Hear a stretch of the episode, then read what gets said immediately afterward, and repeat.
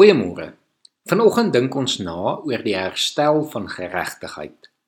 In Suid-Afrika voel ons dikwels of daar geen geregtigheid oor is nie. Die vlak van diskriminering, geweld, misdaad en korrupsie en die hoeveelheid mense wat daarmee wegkom is skrikwekkend. Ons wil amper saam met die psalmdigter vra: Hoe lank nog, Here, voordat U uitkoms gaan gee?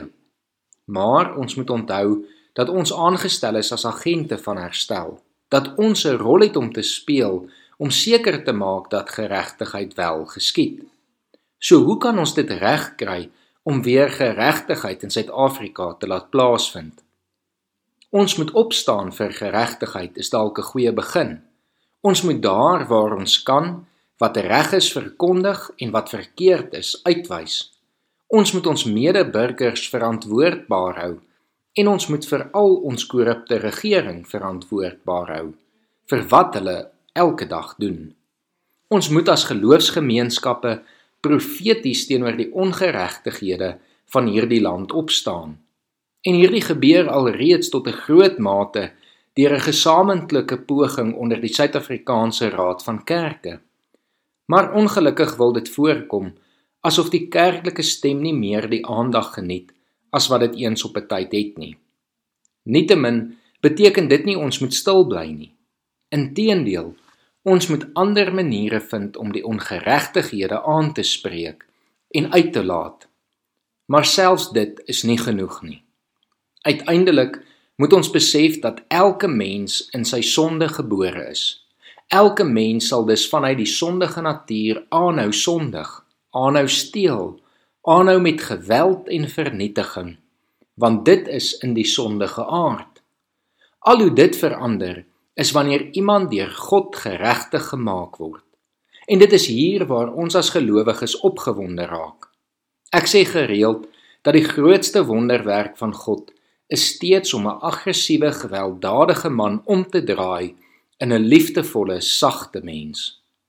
Ons sit eintlik met net een probleem in hierdie wêreld.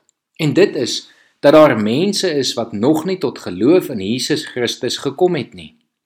Iemand wat 'n nuwe mens word, wat deur die Heilige Gees gelei word om nuut te leef. Dit is wat ons hoop gee, dat God mense kan verander.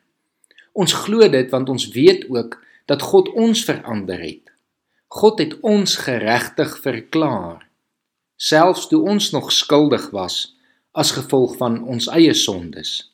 Dit is deur God se genade dat ons as gelowiges is wat ons vandag is. En daarom moet ons nie hoogmoedig wees nie, maar moet ons in nederigheid hierdie genade van God aan alle mense verkondig met die hoop dat ook hulle lewens verander sal word. Miskien voel jy vandag of dat hierdie 'n onmoontlike taak is, veral in die konteks van Suid-Afrika. Daar's nie 'n manier dat ons al die ongeregtighede opgelos gaan kry nie. En miskien is jy tot 'n groot mate reg. Maar dan wil ek jou vandag vra om by jouself te begin, by jou onmiddellike omgewing.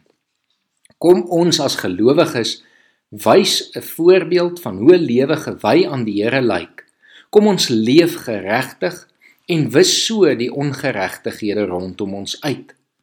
Romeine 12 vers 21 sê: Moet jou nie deur die kwaad laat oorwin nie, maar oorwin die kwaad deur die goeie. Ek en jy moet as gelowiges reg leef en goed leef en so die kwaad oorwin.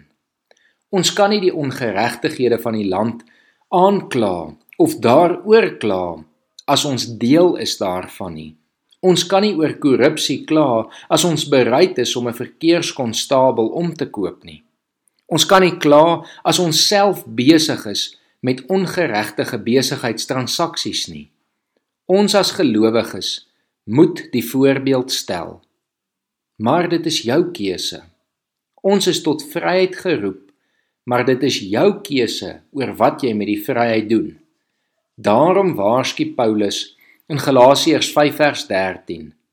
Julle is tot vryheid geroep. Moet net nie julle vryheid misbruik as 'n verskoning om sonde te doen nie, maar dien mekaar in liefde.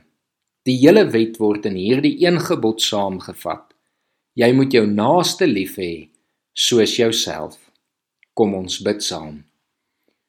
Here, ons kom bid vanoggend vir ons land. Ons kom bid vir soveel mense wat nog nie glo nie, vir al die ongeregtighede wat dan daaruit vloei en daarmee gepaard gaan. Here, ons kom vra dat U 'n herlewing in Suid-Afrika sal laat plaasvind, dat mense U sal ontmoet, dat mense hulle hulle lewens vir U sal gee en dat mense dan deur U Heilige Gees sal leef in 'n lewe van liefde om ander te dien. Ons bid dit in Jesus se naam alleen. Amen.